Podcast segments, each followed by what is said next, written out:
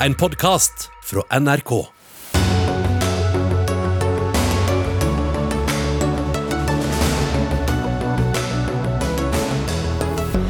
Ukrainas president Volodymyr Zelenskyj kritiserer Tysklands holdning til den pågående krigen. Riv muren som Russland setter opp, var bønnen hans til den tyske forbundskansleren. Kommentator og forsker Asle Toje tok grundig feil om Russland og Ukraina. Analysen hans var forstemmende og pinlig, mener en venstrepolitiker, som spør om Toje fortsatt kan sitte i Nobelkomiteen. Nedrig kritikk, svarer Toje selv.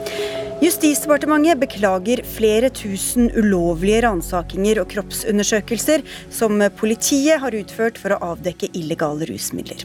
Politifolk har vært maktsyke og ensporet, mener en som fikk leiligheten sin endevendt ut av det blå. Og Olympiatoppen tar ikke oppgaven med kvinnelige toppidrettsutøvere seriøst nok, mener skiskytterekspert Synnøve Solemdal. Hun møter toppidrettssjefen. Og det gjør hun her i Dagsnytt 18, i dag ved Sigrid Solund. Akkurat nå går statsminister Jonas Gahr Støre og flere andre statsråder på talerstolen for å holde en pressekonferanse om flyktninger. Vi tar selvfølgelig inn eventuelle nyheter underveis, og snart skal vi også diskutere hva slags planer vi har for flyktninger som kommer til Norge. Men først skal vi til en videotale vist for den tyske forbundsdagen i dag. Der ber Ukrainas president um, om hjelp til å rive muren mellom frihet og trelldom, som han sa, som Russland er i ferd med å sette opp. Kjære herr Scholz, riv denne muren, sa Volodymyr Zelenskyj henvendt til Tysklands forbundskansler Olaf Scholz. Den samme formuleringen eh, brukte Ronald Reagan overfor Sovjetunionens leder Mikhail Gorbatsjov før Berlinmurens fall. Roger Stevrin Bruland, korrespondent i Berlin, hva ligger egentlig i det han sa? Han er jo en mester i å kommunisere, og han bruker jo selvfølgelig bildet av en mur når han snakker til politikere som er akkurat i Berlin, og som selvfølgelig så husker jo alle Berlinmuren, og han lager jo et bilde av et Europa som var innenfor denne muren, de som var beskytta av Natos artikkel 5, og de som eh, da er utenfor, da, altså han. Og eh, det kom jo veldig mye kritikk fra Zelenskyj mot eh, tyske politikere at han mener det hadde gått for seint i at eh, de endra sin politikk. Nå fikk jo Zelenskyj stående applaus, eh, på samme måte som han gjorde i den amerikanske kongressen. Men det er jo verdt å merke seg at det var ikke åpna for noe generell debatt eh, etterpå. og Grunnene til det kan jo sikkert være mange, men det viser jo fortsatt eh, hvor vanskelig det dette temaet er. Tyskland sitt eh, forhold til Russland, og selvfølgelig den avhengigheten som Tyskland har til den russiske gassen, som om enn betydelig redusert, fortsatt kommer til Tyskland og, og blir betalt for. Og Hvordan ble talen mottatt? Ja, det var, som jeg sa, stående ovasjoner. Men, men ingen løfter om noe annet? Ingen debatt etterpå. Ingen, ingen, ja, ingen altså, endring? Det er jo Nei, altså, Det er jo klart eh, det er krevende for tyskerne, det her. Men vi må jo huske på nå at eh, de har jo gjort en stor stor endring i sin forsvars- og utenrikspolitikk, med tanke på at de nå ruster opp. Eh, de styrker forsvaret sitt. Og det at de gir våpenhjelp til Ukraina, noe som har jo vært tysk etterkrigspolitikk at en ikke skal gi våpen til et land som er i krig med Russland pga. den historien fra andre verdenskrig. Så det er klart at det, her har jo skjedd store skifter i tysk politikk. Men det som er akilleshæl, er jo det at og den kritikken tyske politikere får, at en har gjort, det, har gjort seg for avhengig av russisk gass. Og når jeg snakker med folk når jeg har vært i Ukraina, så er det jo eh, de, altså Ukrainere flest mener at uh, tyske politikere har vært for naive i forhold til Russland. De mener det at tyskerne på den ene sida har prøvd å handle med Russland, samtidig som en også har drevet sanksjonsregime. Satt på spissen så mener ukrainerne det at en kan ikke Eh, drive business og drive krig på samme tid. En må velge. og Det er klart det er jo et eh, tøft valg for et Tyskland som skal gjennom et uh, grønne skifte, som, som skal, uh, har planer om å legge ned alle sine atomkraftverk, at de nå uh, havner i den situasjonen de er nå. Og det er klart at til sjuende og sist så handler det jo også om, om lommeboka til, til tyske folk og tyske forbrukere. Natos generalsekretær Jens Stoltenberg er også i Tyskland, hvor han møtte forbundskansler Olaf Scholz. Helt kort, Roger, hva ble sagt da?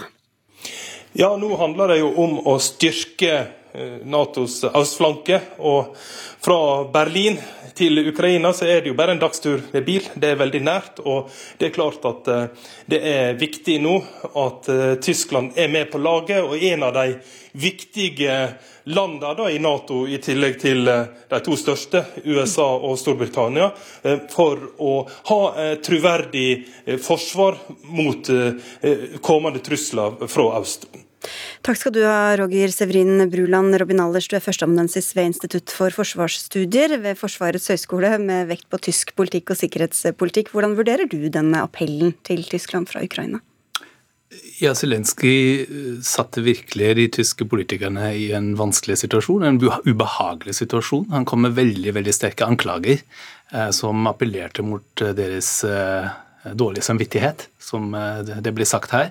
Eh, han trykker på noen historiske knapper. Den ene blir nevnt, muren, muren og, og, den gang i 1987 Ronald Reagans store tale, The President tear down this wall, og så henvendte han seg til Olaf Scholz og gjorde det samme. Han refererte også til andre verdenskrig, selvfølgelig, Nazi-Tysklands herjing i Ukraina.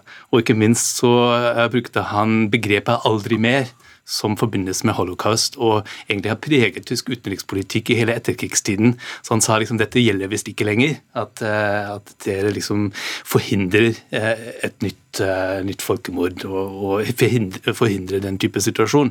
Så, så, han anerkjente også det Tyskland bidro med, humanitær hjelp, sanksjoner osv., men anklagene var, var usedvanlig sterke. Vi hørte at det både er skal vi si, realpolitiske og historiske årsaker til at de kvier seg litt for å gå mer inn. Hva, hva tror du er det viktigste grunnen til at Tyskland holder litt igjen? Altså det, det, er to, la oss si tre, tre store eh, krav, eh, eller ønsker, eh, Zelenskyj egentlig fremmer. Det ene er sterkere sanksjoner. og Det betyr eh, all stans av olje- og gassimport. Og det andre er eh, sterkere militær støtte, altså opprettelse av en flyforbudssone og, eh, og, våpen som virkelig gjør en forskjell. Og det tredje er støtte til EU og Nato-medlemskap. Og på alle tre har Tyskland vanskelig å, å, bli med fullt ut eh, av økonomiske årsaker når det gjelder sanksjoner. Eh, militær fordi man er redd for at det vil eskalere krigen.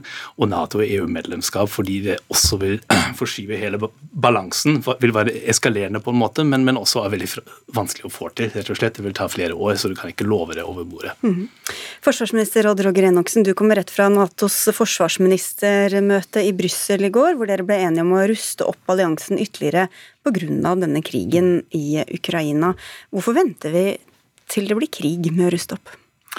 Jeg tror jo vi må ta inn over oss at det er, en, det er en overraskelse at vi har et eh, land og et regime i Europa som er villig til å gå til et umotivert eh, og uforståelig angrep på et naboland. Det hadde jeg ikke trodd vi skulle oppleve. og Det gjør jo at vi er nødt til å tenke annerledes i, i sikkerhetspolitikken. Og jeg forstår den uro som er i, eh, i de baltiske statene og i de østlige landene eh, og de nye medlemmene i Nato som har bedt om, og er de som har tatt sterkest til orde for å, forsterke Nato-flanken i øst. Vi har jo en langtidsplan som innebærer opprustning på flere felt i Forsvaret. Hva, hva om noe er det ved dagens situasjon som gjør at vi må omprioritere eller framskynde noen av disse tingene? For, for Norge sin del så har vi en opptrappingsplan som vi legger til grunn i det arbeidet vi gjør. Og det gjøres betydelige investeringer i å men, men ruste opp det norske forsvaret. i den planen ut fra dagens situasjon? Ja, det, det, skal vi komme tilbake til. Det vi gjør nå er at vi legger fram eh, tiltak som har effekt på kort sikt. Både i forhold til å ha større aktivitet og større beredskap. Og Forsvaret har vært på økt beredskap allerede fra desember, når vi så at det i verste fall kunne gå i denne retning som vi nå har, har, sett. Sånn at vi følger med i nord, vi har økt beredskap, og vi følger med selv om det ikke er noen militær trussel mot Norge nå, så, så, så, må vi følge med på den situasjonen som nå er skapt. For nøyaktig hva er det vi egentlig ruster oss for? det er for å kunne forsvare Norge. Det å ta vare på vår egen frihet er det viktigste vi gjør. Og vi er en del av en Norges forsvar er bygd på tre, tre bein. Det er det nasjonale forsvaret, det er Nato, og det er bilateralt samarbeid med f.eks. USA, Storbritannia. Og Vi vil ikke være i stand til å forsvare oss sjøl, eller helt på egen hånd. Vi må, ha, vi må, være en del av et fellesskap, og det er vi gjennom Nato. Men hvordan vil dere da prioritere nå i tida framover det å styrke vårt eget forsvar på norsk jord, eller ved å kunne ruste opp sånn at vi kan bidra mer sammen med Nato f.eks.? Vi, vi må faktisk gjøre begge deler, men primært så skal vi ruste opp vårt eget nasjonale forsvar.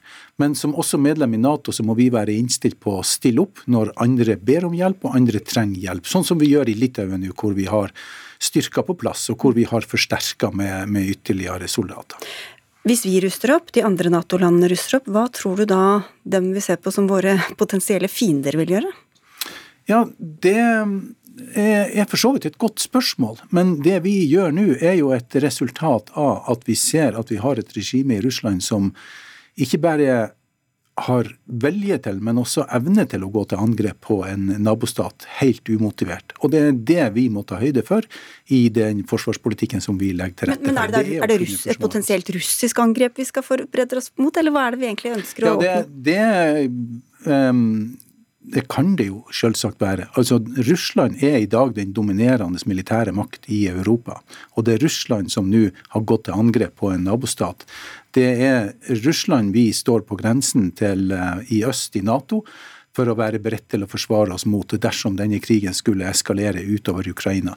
Nå, må jeg understreke at det er ikke noen grunn til å tro at det vil komme til å skje. Putin vil neppe gå til angrep på noen Nato-land.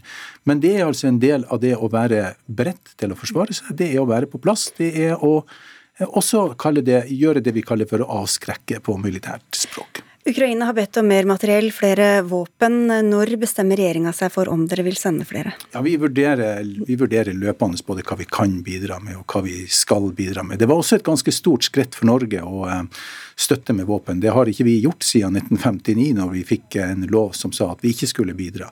Eh, så det er et ganske stort skifte, men som det også var brei politisk enighet om at vi skulle gjøre. Da får vi komme tilbake til det når dere kommer med mer. Takk skal du ha, forsvarsminister Odd Roger Enoksen. Tusen takk til deg, Robin Allers, eh, førsteamanuensis ved Institutt for forsvarsstudier.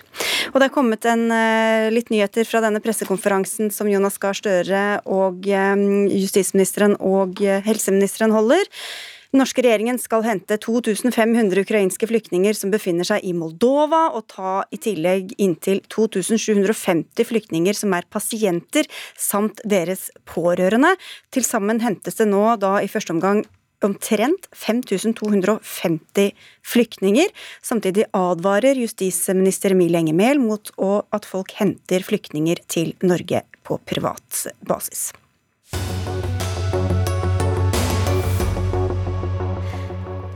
Ukrainas sak er ikke vår sak, skrev Nobelkomitémedlem Asle Toje, som også er utenrikspolitisk forsker og kommentator, før Russland gikk til krig mot ukrainerne.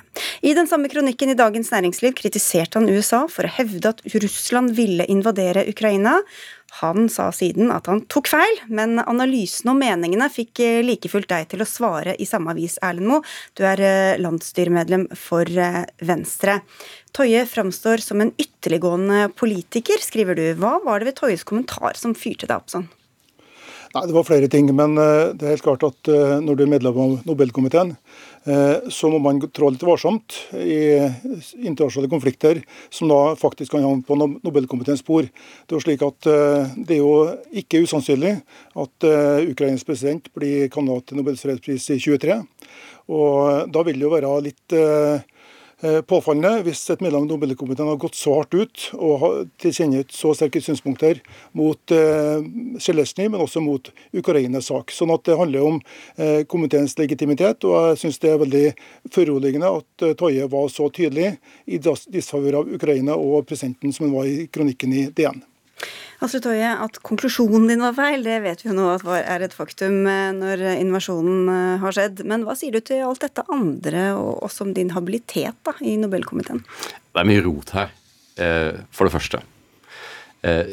Grunnen til at jeg var i overkant tydelig på at jeg ikke trodde at Russland ville invadere Ukraina, var jo nettopp pga. at Volodymyr Zelenskyj var så tydelig på at han ikke trodde på hva han ble fortalt fra amerikanerne. Beklageligvis så tok både Vladimir Zelenskyj og jeg feil i dette. Eh, når det, når det er sagt, eh, så har konflikten i Ukraina blitt et brudd i europeisk historie. Det var få som hadde forutsett det, eh, enda færre som hadde forutsett at, det, at, det, at krigen ville utvikle seg på den måten som det den har gjort. Spørsmålet om hvordan dette kommer til å ende Det virker som at Mo forestiller seg at, at Ukraina kommer til å ende opp i en total seier, og at enhver forhandlingsløsning eh, eh, er en uting. Eh, jeg er nok ikke av den oppfatning. Jeg tror at denne krigen bør avsluttes gjennom forhandlinger, og den bør avsluttes så fort som overhodet mulig. Og jeg vil gjerne si veldig klart at jeg har så visst ikke tatt noen side mot Ukraina. Jeg tror at det er ganske få forskere som har tilbrakt så mye tid i Ukraina som, som det jeg har gjort. Jeg sitter på, fag, på, på fagrådet for deres viktigste utenrikspolitiske tidsskrift. Og jeg har skrevet veldig mye om Ukraina mm. over lang tid. og det som Problemet med Mo er at han selektivt plukker ut det han ønsker eh, og, eh, for å konstruere et narrativ, for, og så skal han nå da den ønskede konklusjonen der. Som, som, en sånn Donald Trump om at eh, noen må miste jobben fordi noen har sagt eller skrevet noen ting jeg er svært uenig i. Det kan ta bare for, at, for mm. liksom det som det jeg tar, tar kritikk for, var at jeg skrev Ukrainas sak er ikke vår sak. Eh, det var dumt pga. at jeg antok at lesere ville forstå at dette var en henvisning til slagordet 'Finlands sak er vår sak', som ble brukt i, i, i opptakten. Så er det retorikk egentlig mer enn eh, Nei, saken er at det, det var, under vinterkrigen så var det sterke krefter i Norge og i Sverige som ønsket at Norge og Sverige skulle gå inn som krigenførende parter mot Sovjetunionen. Det valgte våre myndigheter ikke å gjøre. Isteden så valgte myndighetene på den tiden, akkurat som nå, at, man la til være, at vi eh, ga hjelp og, og, og, og la til rette for fremmedkrigere, men vi ville ikke involveres i den krigen. og Det mener jeg fremdeles er en veldig klok politikk. Ok, Erling Moe, det var mange som eh, misse, leste Russland og situasjonen feil. Hvorfor var det så ille at Asle Toje gjorde det? Ja, det, er, det, er, flere ting her. For det første så handler det om, eh, et, om et medlem av komiteen, Nobelkomiteen skal være så tydelig mot eh, f.eks. Ukrainas president. og det så var han sterkt å si at han er en skuespiller. Han er en skuespiller. Ja, og at han, det er jobben hans og at den er et redskap for oligarker, skrev Toje i kronikken DN. Vet du veldig mye om eh, ukrainsk politikk? Eh, ja, og det, han, ja, og, ja, og Det handler om at, du, at vedkommende kan altså bli kandidat til fredsprisen. og Her har Toje da, som nestleder i komiteen desavuert eh, Selesny kraftig. Så er det med Finland et veldig godt eh, spor å, å, gå videre på. Eh, fordi Toje har selv skrevet eh, for en del år tilbake i DN at Ukraina burde bli finlandisert. Og Finlandisert det betyr jo da at som Finland under kalde krigen, så skal Ukraina opp i sin utenrikspolitiske selvstendighet. Og Det føyer seg inn i den faglige altså Det er to, ting, to viktige ting som er uenige med Toje. Det ene det, det Nobelkomiteen er jo én sak, men så har vi det faglige som går på er det ytre eller indre faktorer som påvirker Russland til å invadere Ukraina. Og Her er det jo slik at eh, Toje er talsmann for en retning som bygger på at det er Nato og Vesten, som de såkalte realistene, som provoserte fram Russlands eh, invasjon, mens da jeg og mange andre, og vi som da forsvarer det liberale demokratiet, vi mener at det er selve den demokratiseringen i Ukraina som er årsaken, og som provoserte fram denne invasjonen. Ok, det går litt på kryss og tvers her, men ta dette siste først, Asle Toje, og så kommer vi til Nobelkomiteen etter hvert. Ja, nei, det, er, det, er, helt riktig at det er, at det er mange forskere som har advart mot at eh, Ukraina har et enormt konfliktpotensial. Eh, sågar så kan tredje verdenskrig starte i Ukraina. Og for, eh, for å tjene freden så, eh, så, eh, er det mange som har tatt til orde for at man må finne en løsning der Ukraina ikke tilhører noen, i anførselstegn. Ikke Vesten, ikke Russland. Eh, nå, er, nå, nå, nå har tiden gått ut på alt dette pga. Russland har invadert Ukraina. Nå står Vesten med Ukraina, som, som det skal gjøre. Men altså, jeg må bare si dette her med Nobelkomiteen. Naturligvis så skrev ikke jeg en spalte i Dagens Næringsliv eh, eh, under, eh, under, eh, under min, eh, min, rolle i Den norske Nobelkomité. Jeg er utenrikspolitisk forsker. Det er det som er jobben min. Jeg er spaltist. Det er også jobben min. Så det at jeg skriver spalte, bør ikke overraske noen. Det, det, det, det var jeg da, jeg da, jeg ble valgt inn i Nobelkomiteen. Mm. Det kommer jeg til å fortsette å gjøre med. Og jeg skal også si liksom at men, men jeg... skjønner du at noen kan uh, lure på hvordan Dersom Ukrainas president f.eks. blir nominert, om, om, om ditt, ditt, hva du har skrevet kan prege også den behandlingen den søknaden eller eh, nominasjonen vil få? Nå fikk uh, Dmitrij Muratov, redaktør i Novaja Gazeta, den viktigste opposisjonsavisen i Russland, Nobels fredspris i fjor. Jeg tror at folk skal ha tillit til Nobelkomiteen. Jeg sitter ikke der alene. Og jeg kan forsikre om at det er et veldig godt og nyansert fellesskap som er der. Og det er ikke slik at noen dominerer. Og så er det så visst ikke at jeg trekker mitt, eh, mitt virke som spaltist inn i Nobelkomiteens arbeid. Det ville vært uhørt. Eh, så det, det kan jeg berolige med. Mm. Også, men jeg må få si at dette her er våset med at man ikke kan være uenig med noen uten å kreve at noen skal bli fratatt jobben. Det er en uting. Folk burde slutte med det. Og det er en sånn eksport fra Amerika som er litt Donald Trump-måte å argumentere på. En håpløst vinklet fremstilling, sjikane og den uunngåelige konklusjonen 'you're fired'. Eh, jeg synes at, La oss legge Nobelkomiteen eh, til side. Vi kunne sikkert hatt en god diskusjon med Mo om hva, hva, som er den riktige løsningen på Ukraina-konflikten. Mm. Eh, men jeg tror at det er en ting vi vil være enige om, er at denne konflikten må ende så fort som okay. overhodet mulig. Det er flere debatter igjen her, men Erling Moe, altså, at han må gå av? Ja, så Det er jo Stortinget som velger Nobelkomité. sånn at uh, her må jo Toje selv og Frp, som da nominerer Toje til komiteen, ta en vurdering om det er riktig at uh, Eh, Toje skal ha en profilering som er eh, slash politiker, som komite, medlem av komiteen, eller om det er å trekke komiteens legitimitet i tvil. Men så, eh, programleder, så er det jo den viktige diskusjonen om hvilken framtid skal Ukraina ha. Og der er jo, det, det, Nå har jo Toje bevist, gjennom det han nettopp har sagt, at han faglig sett, og også politisk, ikke står for et knallhardt forsvar for det liberale, liberale demokratiet, men for at stormaktene sjøl skal skal ordne opp. og Da skal alt og valte med små land. Ukraina ønsker sjøl denne utviklingen. 70% stemte på Zelenskyj ved sitt presidentvalg. Ukrainas befolkning ønsker medlemskap i EU. Ukrainsk befolkning ønsker demokrati. Og så vil altså eh, teoretikere som Toje og en del amerikanere som han da eh, lener seg på, eh, la dette bli en diskusjon mellom stormaktene og da Sovjet, eh, unnskyld, Russland, som da eh, i siste instans skal kunne avgjøre denne framtida. Det syns jeg er mm. feil. Det, den, veldig, den Kjernen av den viktige debatten her, det er liberal demokratisk framtid, og hvordan vi skal forsvare det. Ok, til slutt, Toje. Det er forskjell på det å forstå og det å ha forståelse for. Eh, denne distinksjonen er basisen for all samfunnsvitenskap.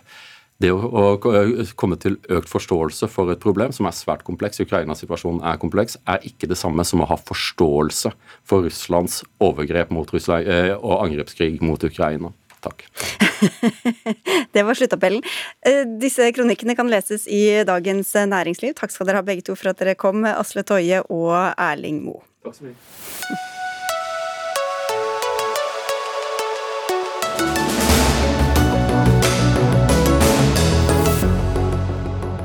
Hvor mange flyktninger skal Norge forberede seg på å ta imot? Nå i ettermiddag sendte Integrerings- og mangfoldsdirektoratet IMDi ut en anmodning til kommunene, som blir bedt om å bosette totalt 35 000 flyktninger. Samtidig sier statsminister Jonas Gahr Støre nå på en pressekonferanse at regjeringen skal hente opptil 5250 ukrainske flyktninger gjennom ulike europeiske samarbeidsløsninger. Martin Mjøs Persen, arbeids- og inkluderingsminister, først til dette siste. Hvorfor og hvordan velger dere ut disse flyktningene som altså er i Moldova, og så er det en del tusen pasienter som er, altså flyktninger som er pasienter? Ja, altså Regjeringen sier jo nå ja til Moldova sin anmodning eh, om å hente ut flyktninger fra Moldova. og I tillegg så vil da Norge delta i eh, EU sitt program for medisinsk evakuering. Så dette er jo da et felles europeisk spor. da, og i Norge tar da i første omgang sikte på å hente ut 2500 personer eh, fra Moldova. og så I tillegg så vil Norge tilby, og det er jo basert da på den kapasiteten som sykehusene i Norge har meldt tilbake, om at man vil tilby 550 plasser til medisinsk evakuering. Og tar samtidig som det sikte på å evakuere da nærmeste pårørende, avgrenset til å gjelde ektefelle, barn, foreldre eller tilsvarende nære til eh, personer. Og Da kommer man opp i det antallet som eh, da er 2750 personer, som cirka det. Eh, og Moldova har bedt Norge om hjelp, eh, og vi vil stille opp. Men disse, dette er bare ganske få i forhold til hvor mange IMDi eh, sa at kom til å komme. Hvordan skal de komme seg hit, da? Det er jo allerede en rekke flyktninger som har funnet veien eh, hit selv. Eh, og de 35 eh, 000 som IMDi i dag har anmodet kommunene om å bosette, det baserer seg jo på prognoser knyttet til hva vi tror vil komme relativt raskt, sånn at vi kan få bosette. Og så er det jo slik, da, at usikkerheten i denne flyktningsituasjonen den er veldig stor. Vi vet ikke hvor lenge krigen i Ukraina kommer til å vare. Vi vet ei heller hvor mange flyktninger som til slutt eh, kommer til å, å komme hit. Så den anmodningen som i dag er sendt, sendt ut til kommunene, den handler om det vi skal gjøre nå. Og så kan det være at vi må be dem om å stille opp enda mer, men det får vi komme tilbake til når vi, vil, vil, eh, når vi vet mer om det. En usikker og uoversiktlig situasjon, Mari Holm Lønseth. Du er innvandringspolitisk talsperson i Høyre. Likevel kritiserer dere regjeringa, eh, du, gjennom eh, VG, for ikke å ha en tydelig nok plan for mottak i kommunene. Men hvor tydelig kan den planen være utover det som allerede ligger der?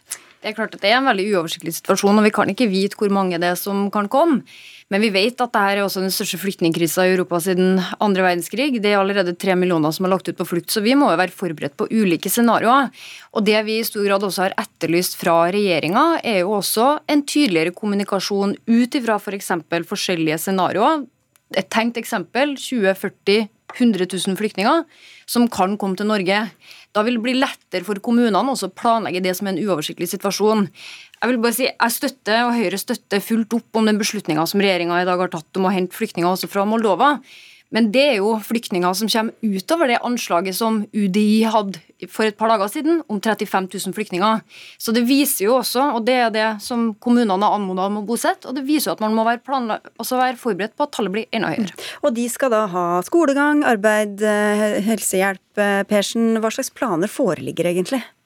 Ja, altså, jeg har bare lyst til å si da, at Det som er, er, er, viktig, er jo at jeg forstår veldig godt at mange på et sett og vis ønsker en forutsigbarhet.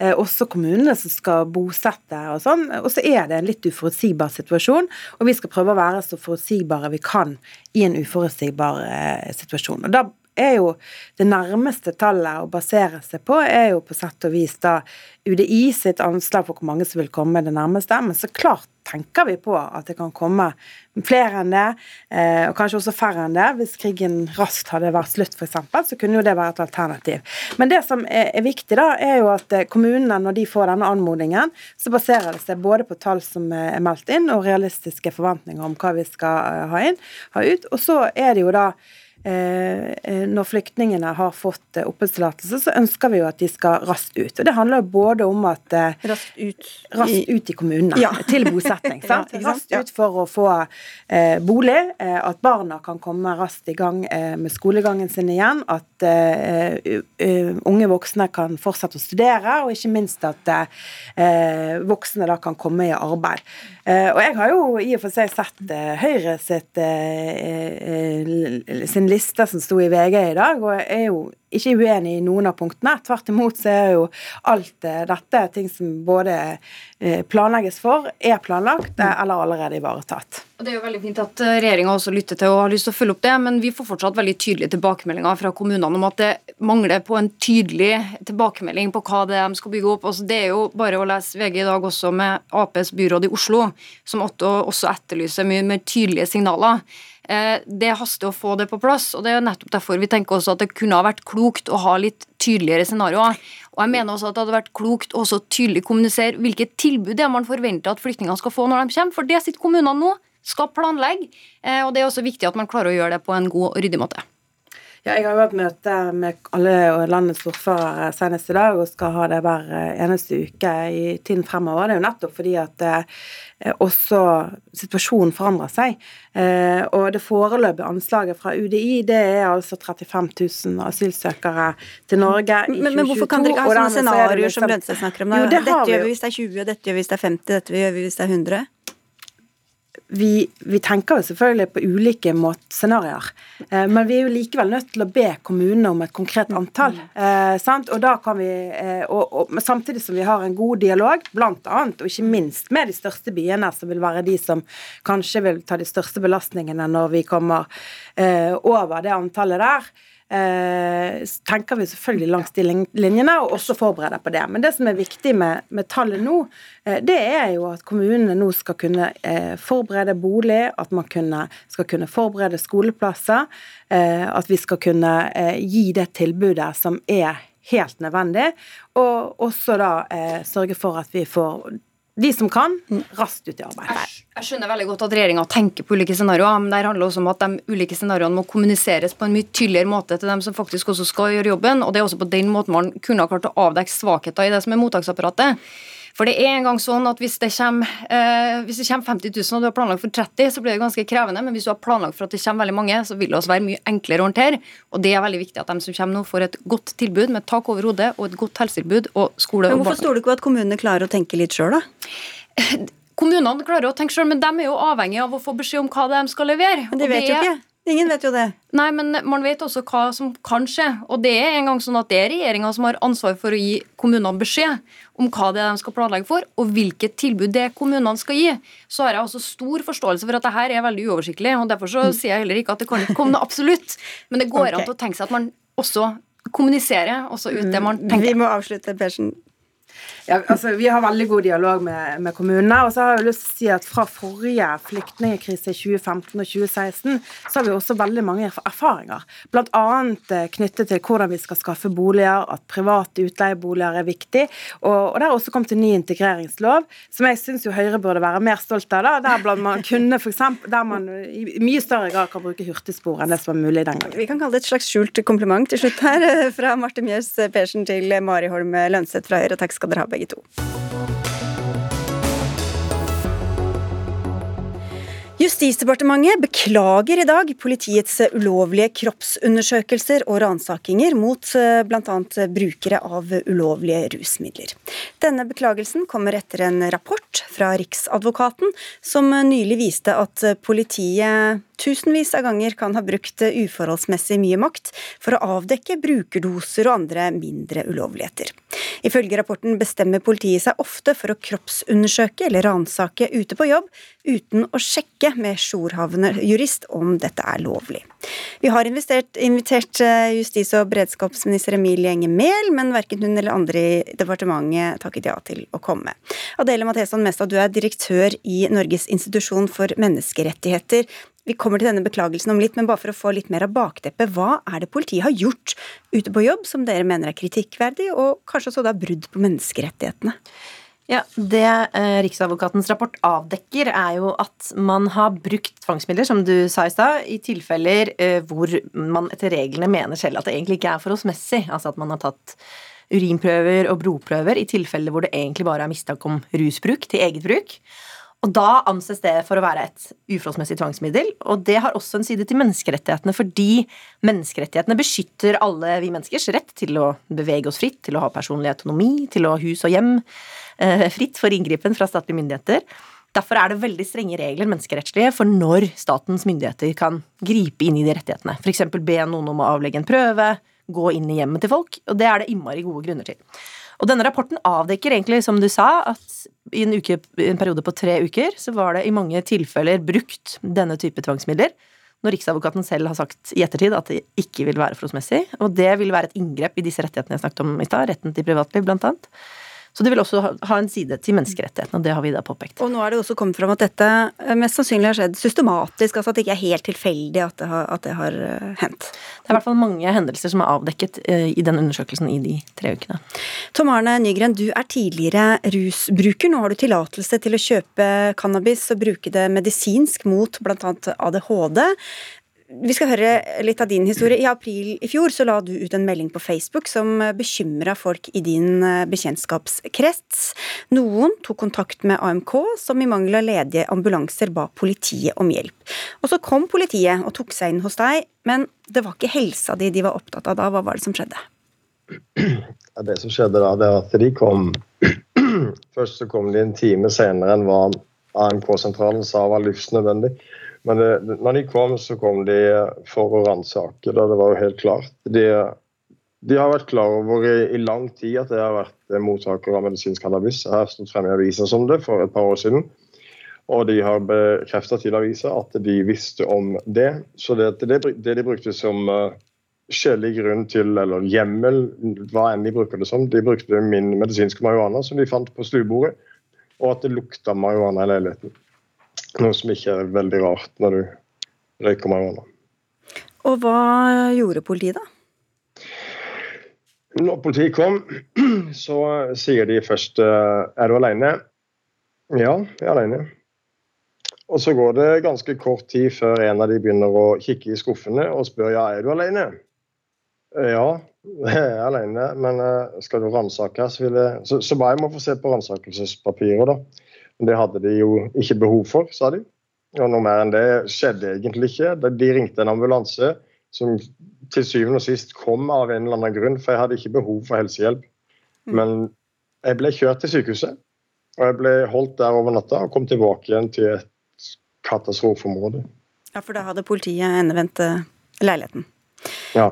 Mester, hva skal til for at politiet egentlig kan ransake og kroppsundersøke? Nei, altså da må man jo ha et eh, etterforskningsgrunnlag. Altså du må ha en skjellig grunn til mistanke, og du må ha eh, Altså det ene er liksom hva du nasjonalrettslig må ha på plass. Det andre er jo forhold til menneskerettighetene. For at du skal kunne gripe inn i disse rettighetene, f.eks. da eh, gå inn i et hjem så må du ha et rettsgrunnlag, og det må være forholdsmessig i det enkelte tilfellet å gjøre det tiltaket. Og det, eh, det som i, i, forhold til f.eks. For det han beskriver her, så, eh, så blir det jo da det å endevende et hus eh, er jo en, veldig alvorlig inngripen i retten til privatliv, egentlig. Um, og det utgangspunktet da er at det skal være sterke rettssikkerhetsmekanismer på plass. Altså, når du skal ransake et hus, så skal du egentlig ha en kjennelse fra en domstol. Og så kan det delegeres ned til uh, ajourhavende jurist. Uh, og i enkelte tilfeller, hvis det er snakk om liksom, ferske spor, og du må gjøre det inngrepet der og da, så kan polititjenestemennene gjøre den avgjørelsen på stedet. Men utgangspunktet her er at det, dette er såpass alvorlige tvangsmiddelbruk, at det skal besluttes av en domstol. Og det er jo det Riksadvokaten sin rapport egentlig avdekker, at i veldig mange tilfeller, 65% av tilfellene når man snakker om, om andre tvangsmidler, så, så, ble det besluttet av polititjenestemann på stedet, og ikke av eh, ajourhavende heller. Og problemet med det er at da mister man ganske sterke rettssikkerhetsmekanismer. ikke sant? Da har du ikke en uavhengig kontroll av om, bruken, om kontrollen er lovlig eller ikke. Og det har jo liksom sterke sider til rettssikkerheten til, til, menneskene, da. Og da beklager altså som sagt Justisdepartementet denne praksisen i dag. Bjørn Vanvik, du er avdelingsdirektør i politifagavdelingen i Politidirektoratet. Beklager dere også? Vi må jo selvsagt beklage hvis politiet har gjort feil, eller når vi gjør feil. Eh, det skulle bare mangle. og Sånn sett så viser jo Riksadvokatens rapport at det har skjedd feil i disse sakene. Det viser, men den viser også at det er gjort mye. Mange av sakene også håndtert helt riktig innen i tråd med lovens krav. Og jeg synes også det er viktig å ha med seg når vi diskuterer dette, at det brevet som kom 9.4 i fjor fra Riksadvokaten, som jo ble en presisering og innskjerping av hva som var forholdsmessig, den eh, har også endret terskelen for hvordan vi skal agere. Så av og til er hurtigkompetansen helt riktig å bruke, den er helt i tråd med straffeprosessloven. Og så er det vist at av og til så har man kanskje trukket det litt langt. Mm. Eh, så, og Det er også viktig å få sagt at akkurat denne her endringen i praksis er, er, er en del av problemstillingen her. fordi at Før 9.4 så var det altså en, en praksis og en vurdering av forholdsmessighetskravet som var Eh, forankret både i domstol og i påtalemyndigheten, i og for seg akseptert av Forsvaret. Ja, og, og, som du sier, så er det, er det, flere som melder om at det har skjedd en endring etter det. Men hva altså eh, Benedicte Bjørnland, politidirektøren, sa da i, i, april i fjor at dette ikke handlet om systematiske feil. Nå viser det seg at det gjorde det. Hvor godt grunnlag hadde hun da for å si det hun sa? For det første vil jeg si at vi har ikke altså Det følger av det tosporede system at uh, Politidirektoratet ikke har noe med fagledelsen og utøvelsen av skjønn eller, skjønn eller føringer når det gjelder straffesaksbehandlingen. Så må jeg få understreke at Vi har hele tiden forholdt oss til det som Riksadvokaten har sagt, for dette er ikke vår rapport, det er Riksadvokaten sin. Og De var tydelige på at dette ikke var systematiske feil. Og Så har det jo i dag kommet opp en ny bruk av systematisk feil, som også Riksadvokaten i dag har forsøkt å nyansere ved å si at i systematisk feil så ligger det at det er flere feil. Så Vi må, vi må nesten definere hva du, man legger i systematisk. for jeg tenker at det er eh, en, en, viktig del av diskusjonen. For det trekkes fort at dette har vært systembasert, men jeg tenker undersøkelsen viser jo også at det har vært en rekke saker som har vært håndtert helt riktig. Så det har vært mer snakk om en praksis som noen eh, steder har gått litt for langt. Men hva har politiet selv gjort, da? Fordi det, det, er jo ganske mange som gjennom årene har ment at politiet går for langt, at de går utover eh, hva de egentlig har lov til, og at de møter også rusbrukere på en spesiell måte. Hva har politiet selv gjort for å finne ut av dette? Eh, nå etter at dette brevet kom Men før det mener jeg også, da. Nei, før det så har man jo lagt om praksis i Det var vel Riksadvokaten kom med føringer allerede i 2014, og, og, andre steder enda tidligere. Så var man enig man skulle ikke gå etter eh, rusavhengige. Eh, og så har man jo vært opptatt av å følge loven, men det er også tydelig at det har ikke vært god nok kvalitetssikring i forhold til å ettergå at vurderingene har vært gjort i tråd med påtale eh, straffesloven. Eh, Nygren, hva er din erfaring eh, alle de gangene du er blitt stoppet av politiet, med hvordan de oppfører seg? Må jeg si det på TV? Nei, ja, Min erfaring med politiet er at de er de er ikke der for å hjelpe alle typer mennesker. Det er de ikke. De er ikke der for å hjelpe rusmisbrukere, eksbrukere i det hele tatt. Mennesker som ligger på den litt vanskeligere sida av samfunnet. De er veldig lette å skue litt lenger ut. Og Det er det jeg opplever de som. Opplever de som jagende. De har uh, stort sett aldri noen grunn. Det er bare ren og skjær trakassering. Det er ikke noe god attest, Vanvik? Nei, overhodet ikke. Og det er ikke noe tvil også om at vi har vært eh, for pågående. Jeg tenker Det har vært bra med hele diskusjonen etter rusreformen og føringen at vi har fått nå problematisert og fått synliggjort denne utformen mye tydeligere enn tidligere. Og også stemningen i samfunnet har snudd seg. Så i politiet også er vi opptatt nå av å ikke opptre sånn som Nygren eh, har opplever det. Eh, så det er viktig å få sagt. Og her har også praksis endret seg nå etter, etter den debatten som har vært senere. Det har vært en politisk klimaendring også. Mesta. Nei, altså det, det, viktigste å si her er at rettssikkerhet er et gode som må være helt jevnt fordelt i et samfunn. Og denne saken viser ganske tydelig, tror jeg, at sånn har det ikke vært. Og det er alvorlig. Og derfor er det nå veldig bra at både Justisdepartementet har kommet på banen og beklaget dette. Jeg opplever også at man er liksom lydhøre i POD. Og ikke minst at Riksadvokaten har grepet dette an eh, i relasjon til liksom fagledelsessporet og sørger for at dette ikke skjer igjen, som er det aller viktigste. Men så er det også viktig å løfte blikket litt, tror jeg, og spørre seg ok, hvordan har dette rammet? Hvem har dette rammet? Hvordan skal vi systemisk følge det opp for å sikre at dette ikke skjer igjen? Hvilken kultur er det som har blitt festet, som har gjort at dette kunne utspille seg på den måten? Uh, og, og, ikke minst liksom lytte til de historiene, for veldig lenge så ble disse historiene som vi nå hørte her i stad, avskrevet som litt anekdotiske. Og så er det jo egentlig det som er fint nå, er at Riksadvokatens veldig systematiske rapport underbygger på et vis at de anekdotiske, eller de fortellingene vi har hørt, uh, langt på vei føyer seg inn i en større rekke, en større sammenheng. Og, og det er, som jeg sa innledningsvis, viktig at man tar det på alvor, på et tilstrekkelig alvor. Ikke bare fremoverskuende, men også litt tilbakeskuende og spør hvordan kunne dette skje og utvikle seg over såpass lang tid? Og da tenker jeg at det er viktig å snu kanskje enda flere steiner enn det man har lagt opp til gjennom nei, Riksadvokaten sin rapport. Da. Bare si at Riksadvokaten har takket nei til å komme til oss, men um, Bjørn Vanvik i Politidirektoratet, den rapporten deres viser jo også store forskjeller mellom når statsadvokatene mente en påtalejurist uh, burde blitt koblet på, som Mestad var inne på i stad. Vi vet at en av statsadvokatene er nestleder i den ruspolitiske interesseorganisasjonen Norsk Narkotikapolitiforening. Hvor hvordan vet dere at ikke politifolks syn på ulovlige rusmidler også påvirker det avgjørelser de tar i jobben? Eh, det er veldig viktig at vi følger lovens bokstav, og straffesloven skal jo håndteres slikt uavhengig av ditt politiske ståsted eller hva du er interessert i i fag. Så jeg tenker at det, da, det sikres gjennom at vi følger opp sakene eh, på en god måte. At eh, man passer på at eh, krav til eh, beskyttelseskompetanse, eh, forholdsmessighet, er ivaretatt. Men, eh, og Det er der etterfølgelsen og kontrollen må ligge, tenker jeg. Eh, litt mm. uavhengig av akkurat hva du mener politisk eller eh, faglig. Ja, Greit. Takk skal dere ha. Det var det vi rakk i denne runden. Takk skal dere ha, Adelem Matheson Mestad fra Norges institusjon for menneskerettigheter, avdelingsdirektør i politifagavdelingen i Politidirektoratet Bjørn Vanvik, og Tom Arne Nygren med på linje. Takk skal dere ha. I et halvt år så er det mange som har lurt på hvem som skal bli den nye kringkastingssjefen, og i dag fikk vi svaret. Vibeke Fyrst Haugen tar over stillingen. På en liste med 22 søkere var det kun to kvinner. I flere sammenhenger har betydningen av å få en kvinnelig kringkastingssjef blitt trukket fram. Jeg må begynne med å gratulere da, Vibeke Fyrsthaugen. Tusen takk skal du ha. er du litt lei av dette kjønnsspørsmålet nå, eller? Nei, nei jeg syns det er et godt spørsmål, men jeg eh, har svart flere ganger i dag at eh, det er eh, et spørsmål som jeg ikke har brukt så veldig mye tid på selv. Fordi at eh, i NRK så har vi jo jobba i mange, mange år med å og jevne ut eh, og ha kvinner, løfte frem kvinner i ulike roller på ulike nivåer. Styrelederen sa vel før du ble ansatt også at eh, det ville vært veldig bra, eller ønsket en kvinne i den rollen. Syns du det er bra eller dumt hvis det bare det at du er kvinne har telt positivt for deg i denne prosessen? Altså, på det må jeg nesten, altså Dette må jo Birger Magnus svare for, men jeg, jeg tenker jo at jeg er, eh, har fått den jobben først og fremst pga. kvalifikasjoner. Det sa han også, ja, må jeg også legge ja, til. Ja, men det er godt. Ja, så jeg tenker at det som er jobben for oss i NRK nå, er jo at vi i mye større grad må speile den befolkningen som vi jo skal lage innhold for. Og det gjør vi ikke i dag. fordi at selv om vi har en god kjønnsbalanse, sånn som jeg ser det, så har vi jo ikke det mangfoldet vi trenger. Så vi må jobbe masse med det fremover. Så det mangfoldet, liksom bredere perspektiv, det er jeg opptatt av. Nå har ikke du begynt ennå, men du har vel vært gjennom en runde hvor du har snakket om eh, visjonene dine og målene dine for NRK. Hva mener du blir det viktigste for NRK å satse på fremover?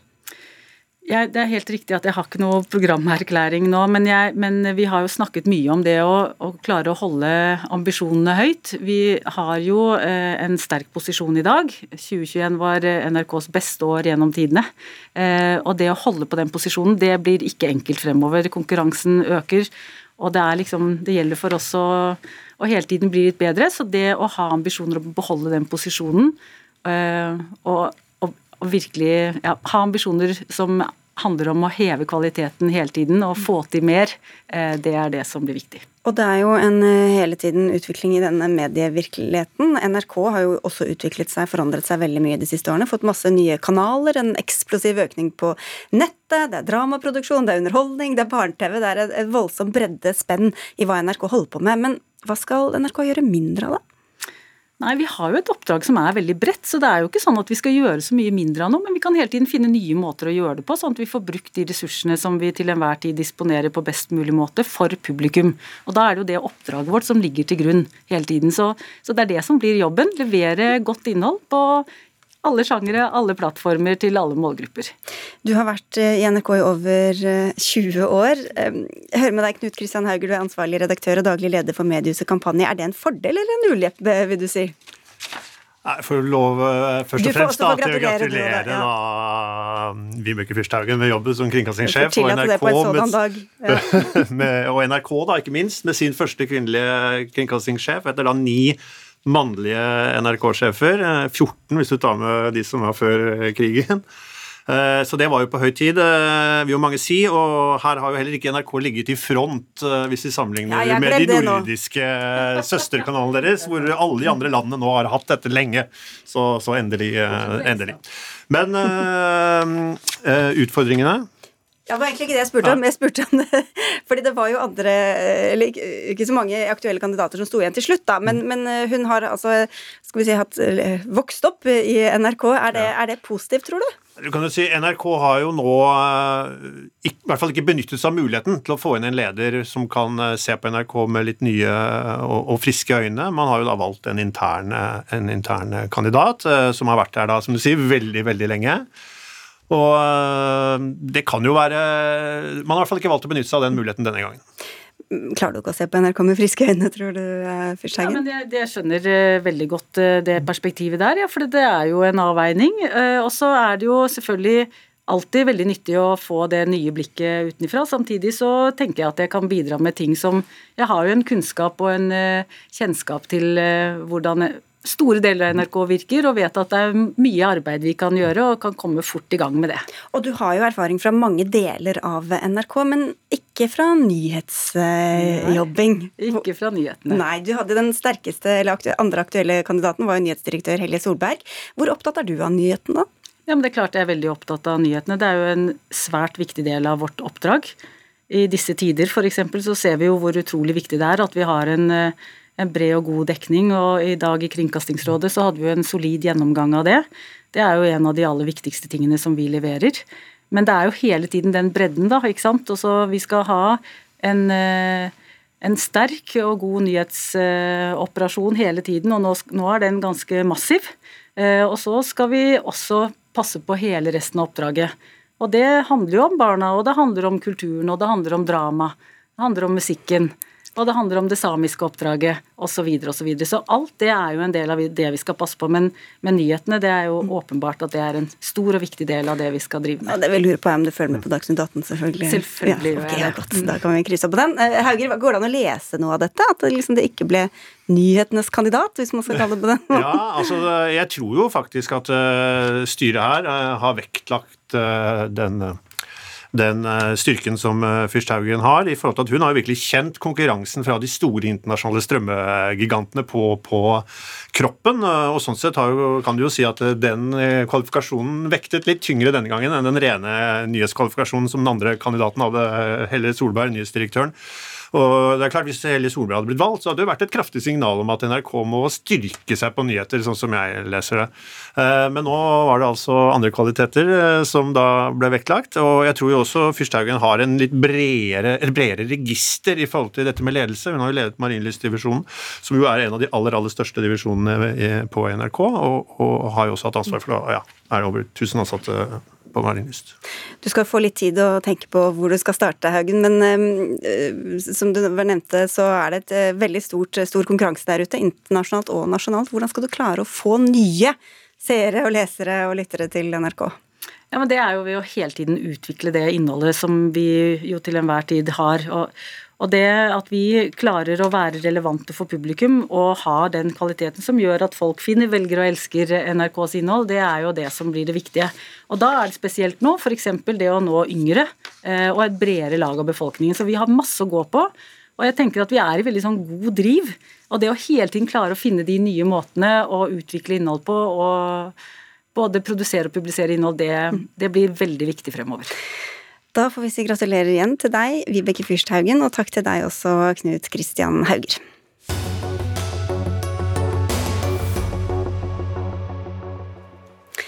Prioriteres menn foran kvinner i norsk toppidrett. Norge ble beste nasjon under OL i Beijing, men få av medaljene tatt av kvinner. Langt færre enn f.eks. For under forrige vinter-OL. Nå advarer flere mot denne utviklingen. En av dem er deg, Synnøve Solemdal. Du er skiskytterekspert i NRK, og selv toppidrettsutøver med en rekke topplasseringer i skiskyting. Hva er årsaken, tror du, til at kvinnelige toppidrettsutøvere har sakket akterut sånn rent medaljemessig? Nei, en ser jo det at det brukes mindre ressurser på, på kvinneidrett enn på, på herreidrett. Det er færre eh, kvinnelige utøvere som får stipend hos eh, Olympiatoppen. Det er færre plasser på elitelagene i de forskjellige forbundene. og det, de har vanskeligere forhold eh, økonomisk hos eh, sponsorer. Så da til sammen så fører det jo det til at de, de har tilgang på, på mindre ressurser, og dermed får dårligere kår til å kunne fullføre eh, toppidrettssatsinga på en ordentlig måte. Så dette er rett og slett en prioriteringssak, da? Ja, det mener jeg absolutt. Mm. Tore Øvrebø, du er sjef for nettopp Olympiatoppen, eh, nettopp hjemkommet fra Paralympics i eh, Beijing. Hva sier du til den forskjellen, hvordan forklarer du den? ja, jeg synes det, Dette er jo en veldig komplisert problemstilling, og, og Synnøve påpeker viktige faktorer i det. Eh, og vi er jo helt enige om at andelen både kvinnelige utøvere og kvinnelige ledere i toppidretten er lavere enn vi absolutt skulle ønske. Eh, og så er det jo sånn at eh, hvis vi hadde funnet knekt denne koden, så hadde vi jo gjort noe med det for lenge siden. For vi har jo, dette er jo noe som har pågått over tid. Vi leter hele tiden etter hvordan vi skal få forandra det. Men vi, vi, ser jo at det er en, en, et frafall av jenter som er større enn frafallet av gutter i ungdomsårene. Så det betyr jo at det er færre jenter som satser på toppidrett i utgangspunktet.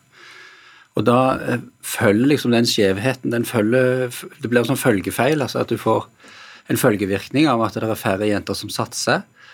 Og da er det færre som vinner medaljer. Og når det er færre jenter som satser, så er det færre jenter som får toppidrettserfaring. Og da blir det færre jenter som føler seg kompetente til å være trenere. Og så så går dette igjen. Så vi får en sånn kulturell skjevhet som vi virkelig ønsker å få gjort noe med. Men jeg kan si litt om stipendandeler. Ja, okay, ja. Mm. For vi har jo både individuelle og, og, og lagutøvere. Så på, på sommer, da, for den tildelingen vi hadde nå i 2022, så er det tilnærmet likt når vi tar med lagidrettene, og det må vi også gjøre. Da har vi både fotballjenter og, og og håndballjenter, og så har du da individuelle stipend. Så da er det like mange gutter og jenter som får stipend. På vinter er det dobbelt så mange gutter mm. som jenter som får stipend. Men det er jo da som et Kriteriene er jo like. Sant? Det er jo prestasjonskriterier. og Derfor så blir det en sånn forskjell. Når guttene da presterer, eller flere gutter presterer bedre, da blir det en forskjell. Hva kunne du gjort annerledes da, Solomdal? Jeg mener at det ikke er så komplisert, eh, det her. Eh, det handler jo om tilgjengelige ressurser. Eh, det er helt rett at det er flere gutter som, som presterer bedre. Eh, men når vi ikke satser like mye på kvinnene, så får vi jo heller ikke de resultatene og de prestasjonene som en skulle håpe på. Så det en ser, er jo rett og slett at du bruker mer penger på, på herreidrett enn på kvinneidrett. Og da får du jo bedre resultat på herresida enn på kvinnesida. Og den eh, innskyldninga som er brukt på den prioriteringa så langt, er jo at det presteres dårligere på kvinnesida.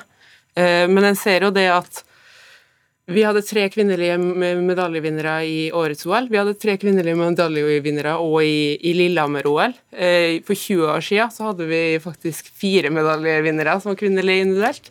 Eh, så det går ikke framover. Eh, og da tenker jeg at nå er det på tide å virkelig satse på kvinnene, og da må vi bidra. Og det, er noen, det er jo noen som vinner disse medaljene. Hva gjør andre land som klarer å få til satsing på kvinnelige utøvere?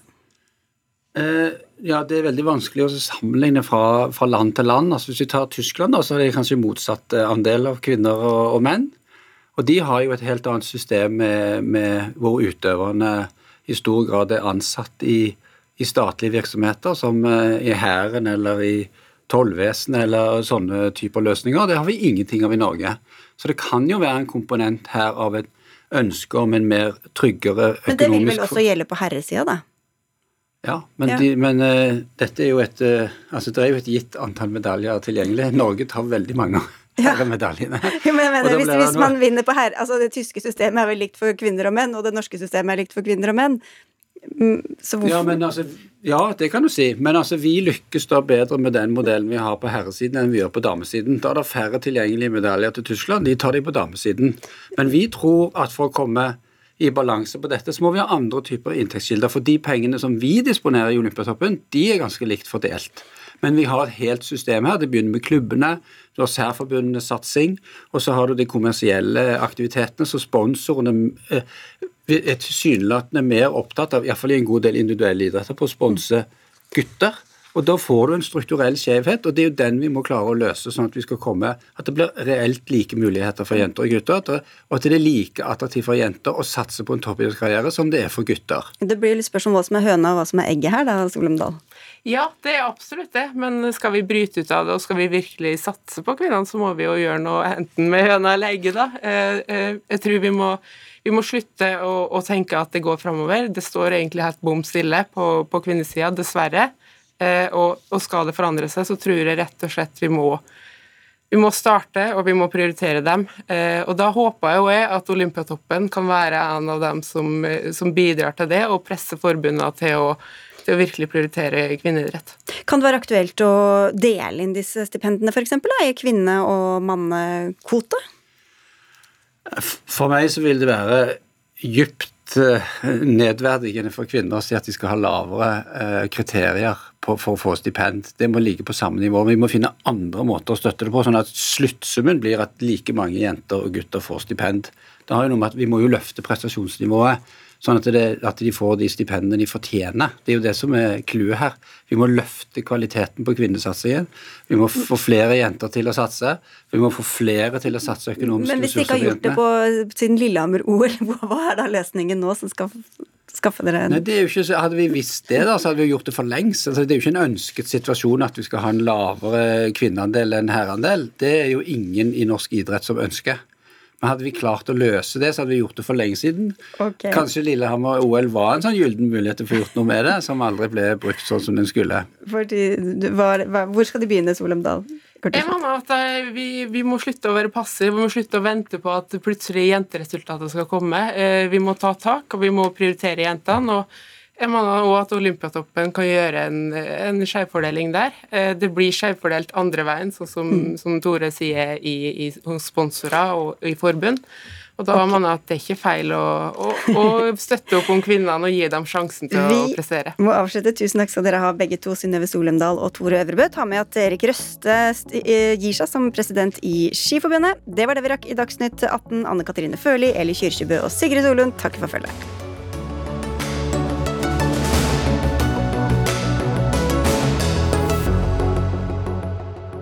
Du har hørt en podkast fra NRK. Hør flere podkaster og din favorittkanal i appen NRK Radio.